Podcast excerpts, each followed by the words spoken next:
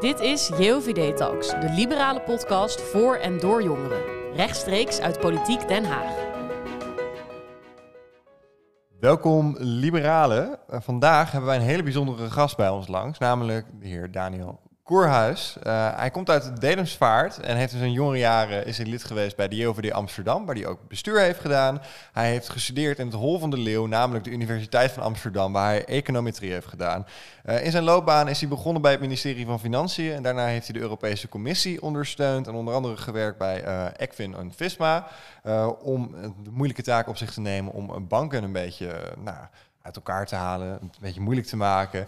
In 2017 stond hij op plek 22 op de lijst van de VVD en is hij dus ook de Kamer ingekomen, waar hij misschien nog wel bekendste is geworden om zijn uitspraak rondom bouwen, bouwen, bouwen. In 2021 is Daniel gelukkig herkozen en neemt hij nu de portefeuille uh, op zich rondom de infrastructuur. Dus Daniel, van harte welkom. Wat leuk dat je er bent. Hoe voelt het om weer uh, terug te zijn bij de JOVD? Ja, nee, dankjewel. Ja, de JOVD voelt voor mij toch altijd uh, als een beetje thuiskomen, want hier ben ik ja, in de politiek begonnen. Ja, kun je nog een beetje wat vertellen over je JOVD-tijd? Wat heb je allemaal gedaan binnen de JOVD? Ja, ik ben uh, eigenlijk meteen lid geworden toen ik uh, begon, uh, begon te studeren in Amsterdam. Dus lid geworden van de JOVD Amsterdam. Ja, en altijd wel actief lid geweest. Dus we hadden altijd een, een, avond in de week gewoon, werd er iets politieks georganiseerd. Dat was altijd hartstikke leuk om heen te gaan. En zo leuk dat ik het zelfs een jaar op me heb genomen. Dat die functie heet destijds vicevoorzitter um, organisatie. Dat is wat ik deed uh, in, uh, in Amsterdam. Dus uh, politieke activiteiten organiseren. Ja, was, het was heel leuk. En ik was ook altijd vaste gast op de congressen. Wij hadden die, de landelijke congressen. We hadden die twee keer, drie keer per jaar. Hadden drie we die. keer? Ja, twee of drie keer per jaar. Tegenwoordig, maar nog maar twee keer per jaar. Ja, ja, ja. misschien hem twee keer hadden, maar weet je wat het is? Ik, ik heb er heel veel bezocht. Ah, laat ik de leden maar niet horen hoor. Als ze horen dat er drie congressen mogelijk zullen zijn, dan uh, gaan ze dat ook van ons eisen. Uh, en dan wordt het wel weer heel erg lastig. Maar... En wij hadden ze vroeger in Van de Valk hotels uh, door heel Nederland. Is dat nog wel zo in Van de Valk hotels? Ja, Van de Valk, Fletcher, we wisselen een beetje af. Oh, en Fletcher nu, ja. Die hadden we vroeger er niet tussen. Ja, inderdaad. Ja, en het wordt natuurlijk raden waar het komende congressen zal ja, plaatsvinden. Dat was in mijn uh, tijd ook altijd spannend. Wat, uh, ja. waar is Binnenkort uh, zal het bekend worden, denk ik, zo ongeveer. Maar ze werden altijd mooi verdeeld over het land bij ons. Ja, een ja. beetje noord, midden, zuid. En dan zo, zo, zo roleerden, we, roleerden we. Ja, nu we, naar, nu we naar wat minder congressen zijn overgestapt... proberen we altijd in de regio van het midden van het land te zitten... zodat het voor iedereen bereikbaar blijft. Ja, en uh, natuurlijk, bij de JOVD heb je bestuur gedaan. Maar hoezo ben je bij de JOVD gegaan? Waarom kwam die interesse? Um, kwam je uit een rechtsnest waar u opgegroeid bent? Of een politiek gezin in ieder geval, waar politiek centraal stond? Nee, politiek stond niet zo centraal bij ons thuis. Uh, de, de, de, de koerenhuisfamilie waar ik, waar ik in ben opgegroeid is wel een MKB-nest, als ik het zo mag zeggen. Dus eh, wat is het, zeg maar, mijn, mijn overgrootvader uh, is een slagerij begonnen in, uh, in, in Dedensvaart. Eh, verhuisd vanuit uh, ja, meer uit de buurt van Deventer naar, uh, naar om een slagerij te beginnen. En dat is drie generaties doorgegeven. En ja, dat huis kwam ik, kom ik nog steeds, kwam ik vaak, kom ik nog steeds regelmatig, waar de, slagerij in, waar de slagerij in heeft gezeten. Ehm, maar ja, de, dat is zeg maar het nest waar ik dan uitkom. En politiek geïnteresseerd raakte ik rond mijn 16e, 17e, de, de, de docenten van mijn middelbare school zullen dat zich nog goed herinneren. Ja, nogal links ingestoken. En uh, ik ging graag het, uh, het debat aan uh, vanuit rechts met ze, al in, in 5, 6 VWO. En ja, waar dat, waar dat, waar dat, waar dat vandaan komt, is, is toch van, ja, ik, ja, toen vond ik al dat wij, in ieder geval ik, maar dat we ook als Nederland ja, goede, kansen, goede kansen krijgen. Ik heb goede kansen gekregen thuis en op school en later op het werk. En uh, ik vind dat ik uh, moet, moet helpen die kansen door te geven. En daarom uh, aan de rechterkant uitgekomen en bij, bij de JOVD en de VVD. Ja, over het stapje van de JOVD naar de VVD. Meestal horen wij van sommige VVD'ers terug dat ze ons wat irritant en brutaal vinden. Maar jij bent zelf natuurlijk begonnen bij de JOVD en overgestapt naar de VVD. Hoe zie jij die relatie eigenlijk? Ja, die, die, die relatie is eigenlijk uh, onveranderd. Dus dat was in, uh, in mijn tijd bij de JOVD ook al zo. Probeerden we de, de liberale luis in de pels te zijn. Ja, je neemt je eigen, uh, eigen invalshoek. Die vanuit de JOVD is gewoon anders dan vanuit de VVD. Dus vanuit die invalshoek begrijp ik, begrijp ik soms heel goed wat jullie zeggen. Ja, en dan nog... ehm, we zijn, tegen ons werd soms gezegd dat we een liberale puppy zijn, maar dat we meer een liberale waakhond moeten zijn. Is door onze leden een keer genoemd. Ja. Hoe vind je recentelijk de JOVD daarin verhouden? Of heb je het niet zo goed in de gaten gehad? Nou ja, in, in, in, in mijn tijd eh, we hadden we het over, volgens mij over liberale luis in de, in de pels. Dus eh, dat, dat, vond, ik- dat vond ik wel een goede, een goede, goed compromis daartussen, zeg maar. Ja. Toch een beetje pijn, maar eh, is geen pitbull, zeg maar. Ja. Nou, inderdaad. Het is natuurlijk ook zo dat, eh, dat de VVD, die, die, die is nu toch al twaalf jaar eh, aan de macht eigenlijk. Dus wat dat betreft is het natuurlijk ook steeds stukje je eigen beleid eh moet afkraken. En als nou, als eh, nee? Ja, VVD is de grootste. Ja, maar de grootste. ja, het is, het is niet de enige partij in, het, in, in de landelijke coalitie. En het is ook, daar ben ik ook best achtergekomen in de, in de, in de Tweede Kamer.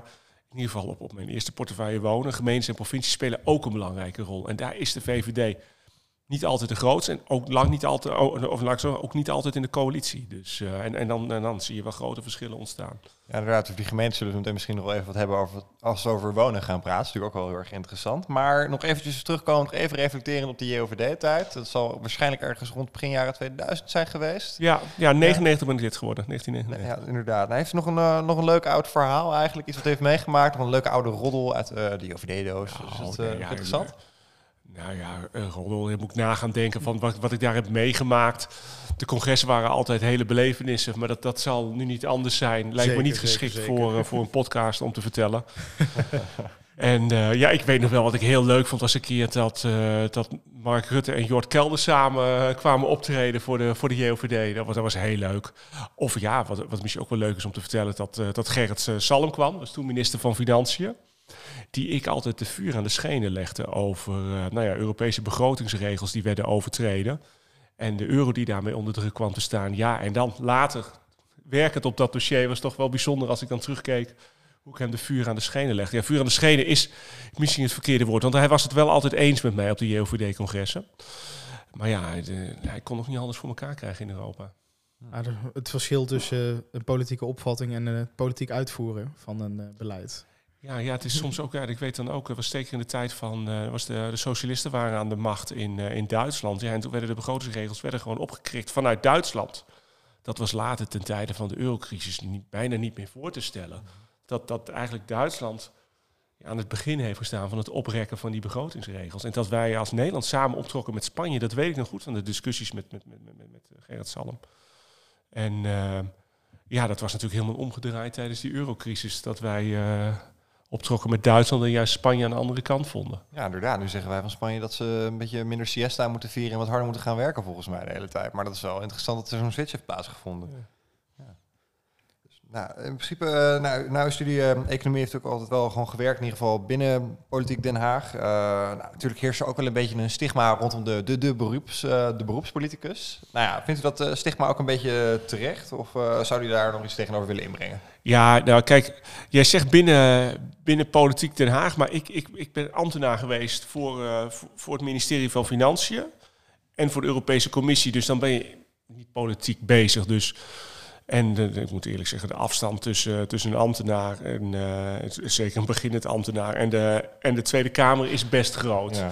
En ik ben begonnen echt op het snijvlak van, eh, van hoe kan ik het zeggen, beleid en, eh, en, en markt, zeg maar. Dus ik heb staatsschuldfinanciering gedaan, dus ik ben heel erg actief in de, in de financiële markt. Maar ook exportfinanciering heb ik gedaan. En het, wat je al zegt, het, het ondersteunen, maar het ook het moeilijk maken van banken. Dat is toch op dat snijvlak publiek-privaat, laat ik het zo zeggen. Vooral daar ben ik actief geweest. Ja, zeker. Want natuurlijk in 2008 had je de grote crisis. En daarna was het vertrouwen in banken eigenlijk ontzettend laag. En ook rond die tijd bent u gaan werken bij eh Ecfin en eh, Visma. Om dat Ja. daar proberen oplossingen in te bedenken. Ja. Eh, nou, hoe was dat? Kunt u daar nog wat meer over vertellen? En dat vertrouwen wat een Nederlander eigenlijk nog steeds een beetje mist in banken. Nou, ik, ik, ik, weet wel, nou ja, de, de, de, crisis is begonnen in, eh, nou eigenlijk, toen, toen was ik nog staatsschuldfinanciering aan het doen in 2007. Toen bevroren de financiële markten, zo noemen we dat toen. Dus werd handeldrijven werd gewoon lastiger. Ja, en, en, en dan, dan, dan duurt het even voordat de eerste, eerste grote, grote bank echt omvalt. Er vielen wel allerlei kleinere, kleinere laat ik zo zeggen, instellingen om.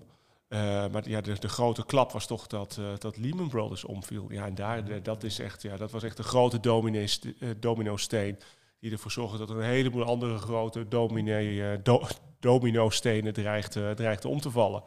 Dus toen moesten we ABN AMRO redden, ING, Egon, SNS. Maar ook iSafe viel om. IJsland kon, uh, kon uh, onze, zeg maar, onze gegarandeerde deposito's niet uitbetalen. Dus moesten we ook, moesten we ook IJsland redden als Nederland.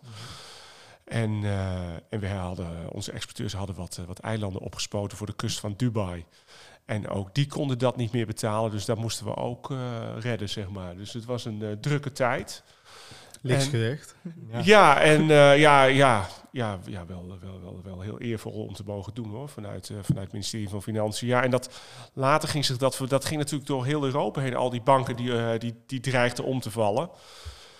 En, en toen dreigden ook landen om te vallen. En dat begon met Griekenland. En ja. toen ben ik vanuit het ministerie van Financiën gaan werken voor de, voor de Europese Commissie. Om inderdaad Griekenland te redden en Cyprus. En ja, ook, ook, ook de banken daar. Ja, nou, maar ja, na de crisis moet je natuurlijk weer weder opbouwen. En je hebt zelf natuurlijk de slogan bouwen, bouwen, bouwen gezegd. Daar ja. ben je wel uh, relatief bekend van. Ook binnen de JOVD een hoop fans uh, toch wel met die slogan. Waar is hij eigenlijk vandaan gekomen? Ja, ja nou kijk, inderdaad, vanuit de Europese Commissie ben ik in de, in de Kamer gekozen. En uh, laat ik allereerst zeggen, ja, waarom de portefeuille wonen, is ja, ja dat, dat speelt zich toch, dat, dat, dat zien mensen niet zo, maar dat speelt zich best veel af op financiële markten, want dat is waar hypotheken gefinancierd worden. Dat is ook waar corporaties zich financieren onder garantie van de staat.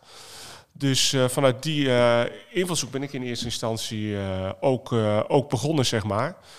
En ja, al, al, heel snel kwam ik erachter van, hé, hey, maar de bouwproductie is ingezakt.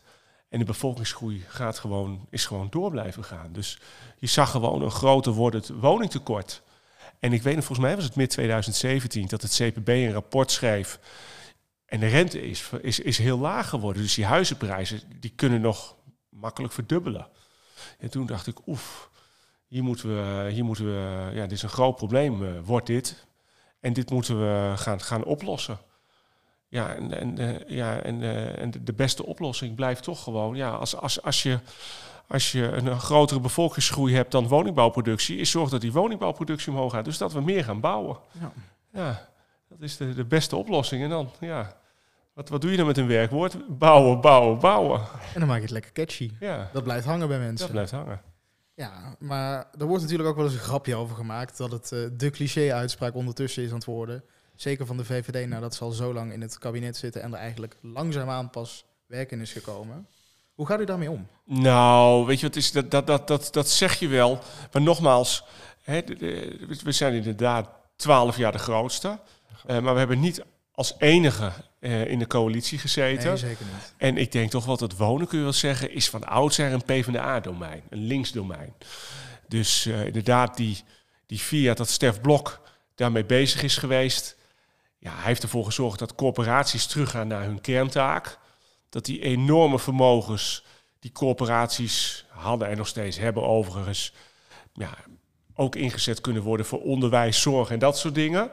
Uh, ja, dat, dat is waarvoor hij gezorgd heeft. Maar ja, vier jaar is echt te kort om, wat is het, uh, wat, wat links heeft, heeft ja, hoe zou ik het zeggen, links daar heeft gedaan sinds de Tweede Wereldoorlog ja, te, te niet te doen, dat, dat is vier jaar echt te kort voor. Dus dat kan uh, ons niet worden verweten. Nee, oké, daar heb je ook gelijk. Daar heb je zeker een punt. Zeker, alleen natuurlijk over die verweten. Er wordt natuurlijk wel altijd gezegd, zeker door populistisch links nu en dergelijke. Hè, en Jesse Klaver die dan uh, in de microfoon fluistert over neoliberalisme en doorgeslagen marktwerking. Nou ja, volgens mij valt dat nog wel mee. Want er waren, nee, we, hebben, we hebben bijna geen marktwerking op de woningmarkt natuurlijk. Ja, kun je, kun je daar wat meer over vertellen? Want wat is, hoe kunnen wij als JOVD ons nou verdedigen tegen dat soort achterlijke linkse argumenten? Oh, nou ja, kijk, ik, ik, blijf altijd ver weg uit van discussies van marktwerking, want er is bijna geen marktwerking op die woningmarkt. Dus ik vind dat, dat, dat zeg maar een, een non-discussie. Nee, ik zie gewoon dat we een groot woningtekort hebben en ja, dat, dat, dat los je maar. Ja, de beste oplossing is daarvoor bouwen, bouwen, bouwen. Maar we hebben niet alleen een woningtekort, het is ook gewoon een tekort aan doorstroming op die woningmarkt. Dus dan moet je zorgen dat er dat het, dat het doorgestroomd kan worden. Dus dan ga je kijken van ja, hey, je ziet er toch in dat hele rijtje van, je hebt best wel wat senioren in Nederland, die willen doorverhuizen.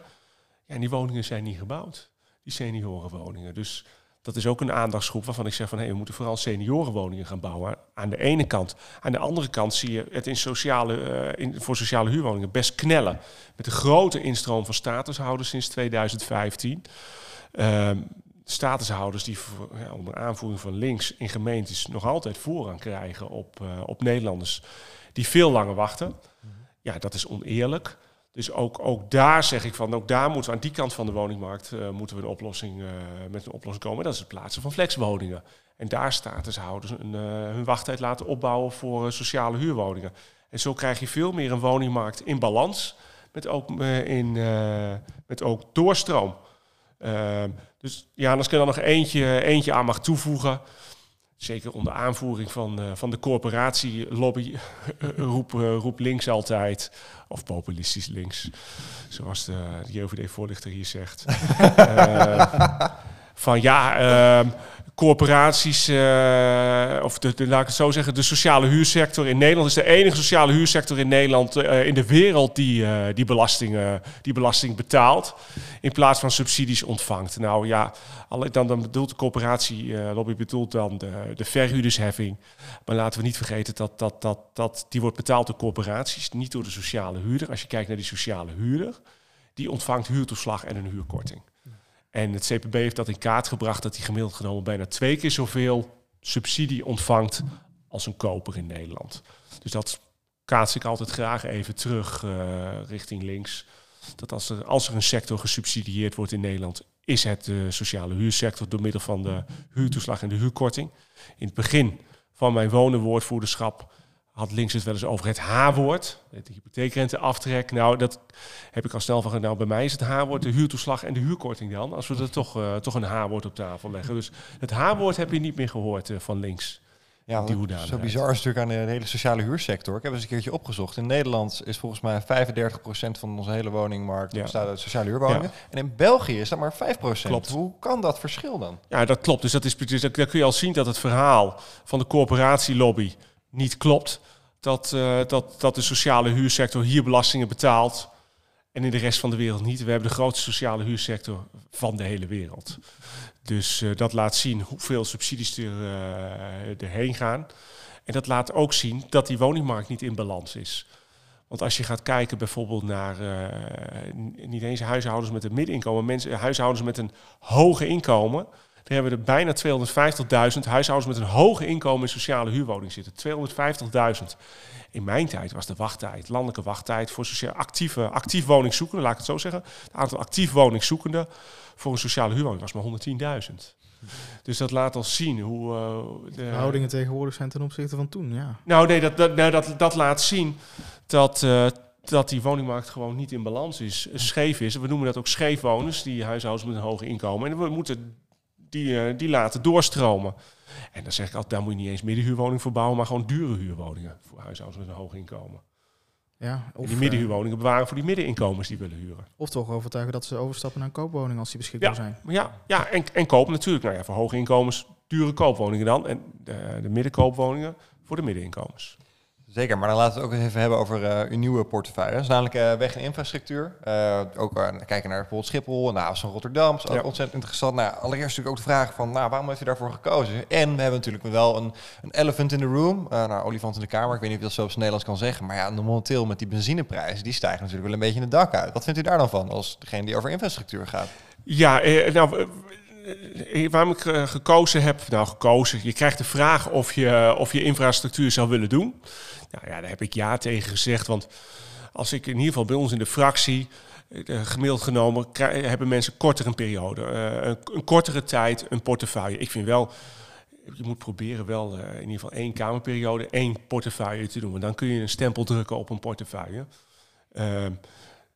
Maar het is ook wel gezond om na één periode te zeggen: hey, ik zit in mijn tweede periode, ik, ik, doe een, uh, ik doe een nieuwe portefeuille.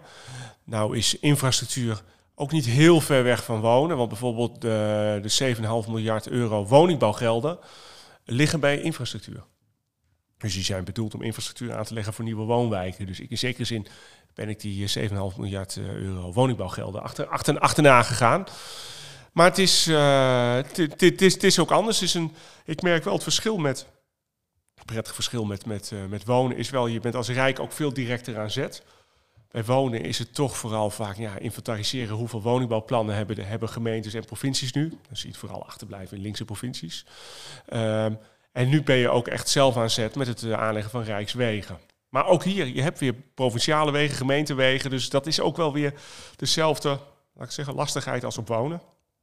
Maar je bent ook echt wel zelf veel meer aan zet. Ook met de Rotterdamse haven waar we aandeelhouder van zijn. Ehm, Schiphol, uh,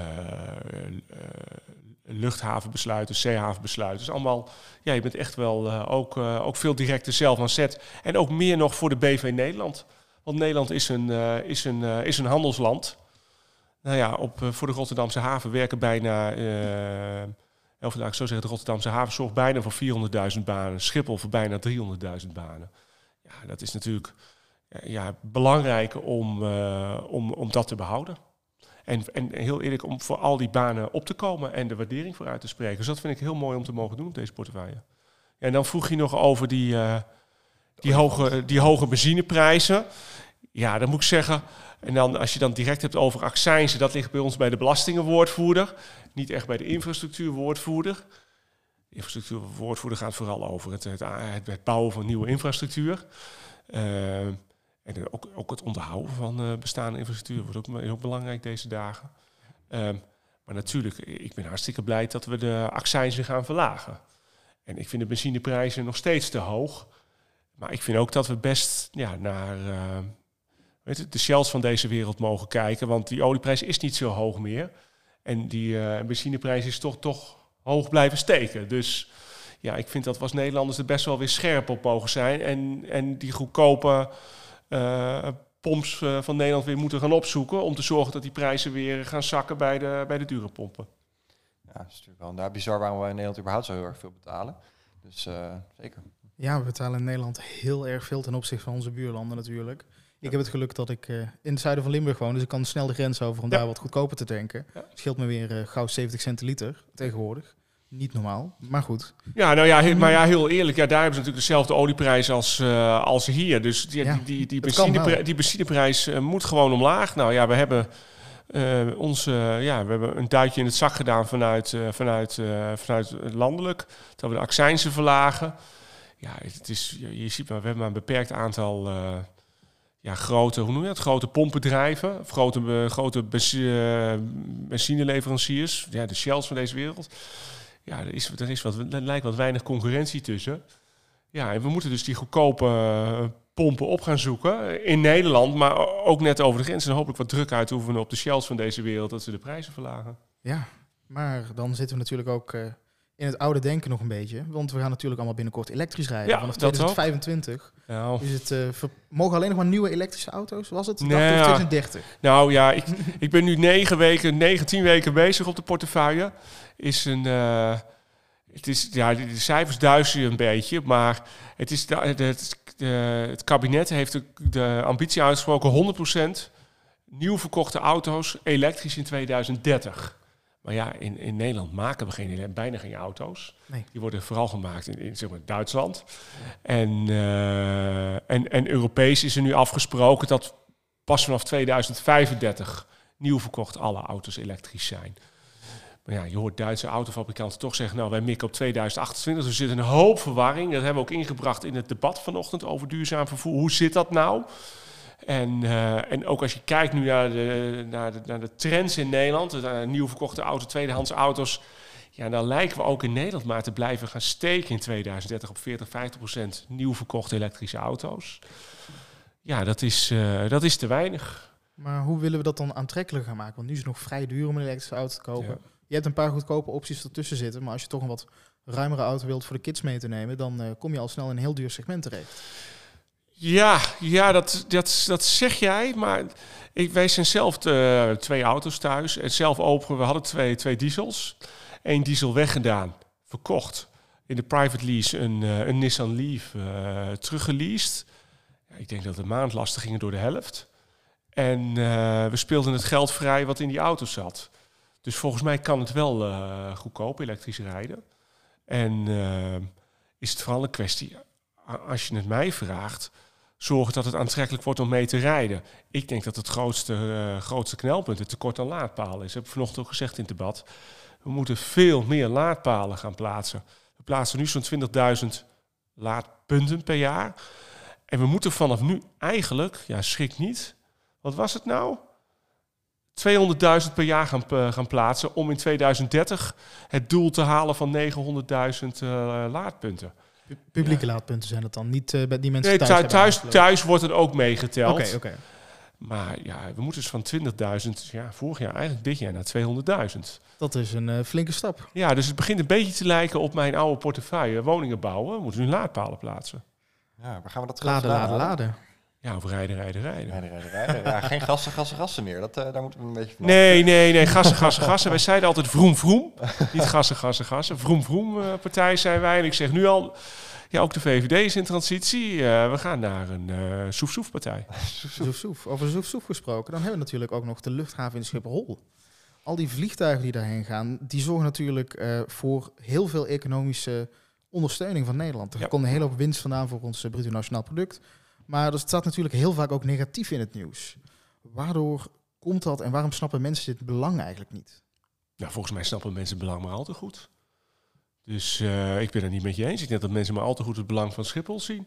Ik heb er verschillende werkbezoeken gedaan. Ook als je daar rondrijdt, s'avonds de parkeerplaatsen van, uh, met auto's met, uh, van, van, van, van mensen die op Schiphol werken. Het is eindeloos op de locatie zelf, echt op Schiphol. Dat, dat, die paar vierkante kilometer, daar werken echt 60.000 mensen alleen daar al. En als je alle werkgelegenheid op elkaar, op elkaar, bij elkaar op gaat tellen, kom je op, op uh, 300.000 mensen uit. Ja, de mensen, mensen begrijpen dat maar al te goed volgens mij. Maar ja, waarom mag het dan zo moeilijk uitbreiden? Want natuurlijk hebben we al die stikstofwetgeving en dergelijke. En eigenlijk Ja. Schiphol misschien ook wat gaan inleveren. Ja. Eh, dat, dat blijft natuurlijk wel gewoon een klem op de nek van, eh, van Schiphol. Ja, dat, dat is dus de uitdaging. Ik denk dat de mensen thuis willen dat we dat stikstofprobleem oplossen, zodat de luchtvaart weer kan groeien in Nederland. De media probeert het ook altijd eh, in een negatief daglicht toch wel te zetten. Een potentiële uitbreiding, eh, metingen die gedaan zijn die niet kloppen. Dat is altijd weer Nou, laat ik het zo Op zeggen, de, me- de metingen moeten natuurlijk wel Nee, kloppen. precies, nee, en eh, de, de stikstofwetgeving moeten we wel volgen natuurlijk. Dus uh, het stikstofprobleem moeten we wel oplossen. En als we dan gaan kijken ook naar de vliegmaatschappijen die er vliegen. We hebben natuurlijk KLM Air France. We hebben gezegd in de coronatijd, we sponsoren jullie een beetje om uh, de crisis doorheen te komen. Moeten we daarmee blijven doorgaan eigenlijk nu? Nee, nee, nee. Ik heb ook gezegd dat uh, die staatssteun die we gegeven hebben aan KLM, een bekend terrein van mij, want ik heb, ben heel veel betrokken geweest bij staatssteun aan banken, die staatssteun moet zo snel mogelijk terug. En op zo'n manier dat de KLM geen slots hoeft in te leveren of mensen moet ontslaan. Nee, het moet terug en op zo goed mogelijke manier. Oké, okay, mooi. Wel uh, fijn om te horen dat we KLM moeten blijven behouden als Nederland zijn. Ja, ja, ja, ja. Ja, en met zijn slots en met zijn mensen die er werken. Wat ik zeg, we moeten waardering uitspreken voor al die mensen die, uh, die werken voor de BV Nederland. En dat is onder andere voor, voor KLM. Ja, en Schiphol is natuurlijk een van onze main ports, zoals dat ja. dan uh, heel duur genoemd wordt. Ja. Welke concurrenten zijn er eigenlijk nog in de komende periode die eraan zit te komen, of in, komende, in de gebieden om ons heen? Ja, dat is een interessante, interessante vraag. De grootste concurrenten van Schiphol zijn toch uh, Frankfurt en, en Parijs. Daar zitten de grootste concurrenten binnen de Europese Unie.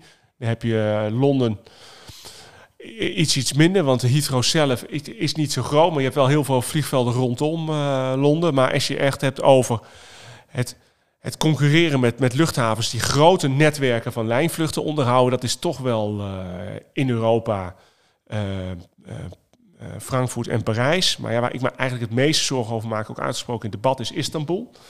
Daar is net een nieuwe luchthaven gebouwd aan de Europese kant van Istanbul te, in één klap de grootste van Europa geworden. Ja, en die zitten net buiten die Europese interne markt.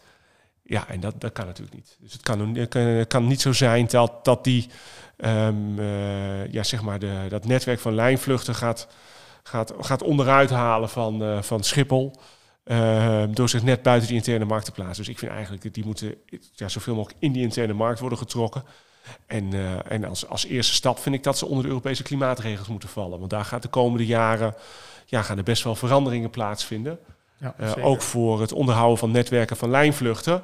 Ja, dat kan natuurlijk niet zo zijn dat, uh, dat Istanbul dan ja, dat netwerk van lijnvluchten gaat overnemen. En dat, dat heet dan met een duur woord, dat leer ik ook net, carbon leakage. Dus dat, dat, dat de CO2-uitstoot niet naar beneden gaat... doordat het netwerk van lijnvluchten van Schiphol naar Istanbul overgaat. Ja, dat is natuurlijk Dan komen Niet wij, de bedoeling. komen wij beter in het plaatje naar voren, maar netto resultaat is dat er meer CO2 uitgestoten Ja, dat is natuurlijk niet. Nou ja, wij, wij komen, ja in het CO2-plaatje komen we beter naar voren. Maar Ja. wat ik zeg, we hebben 300.000 mensen die werken Nee, eh, op en rondom Schiphol. Daar wil ik voorop komen. Dus de Istanbul Airport moet gewoon onder die eh, eh, Europese klimaatregels komen. Ja.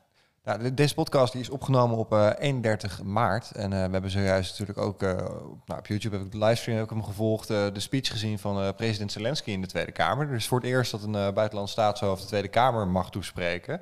Eh, waar op zichzelf natuurlijk al wel wat ophef over kon ontstaan. Maar ik vond het zelf wel heel erg mooi dat, eh, wat hij daar zei. Het was eh, goed ingelezen over de Nederlandse geschiedenis. Maar ja, Daniel, jij hebt er natuurlijk ook bij gezeten. Ik heb erbij gezeten. hoe was het daar?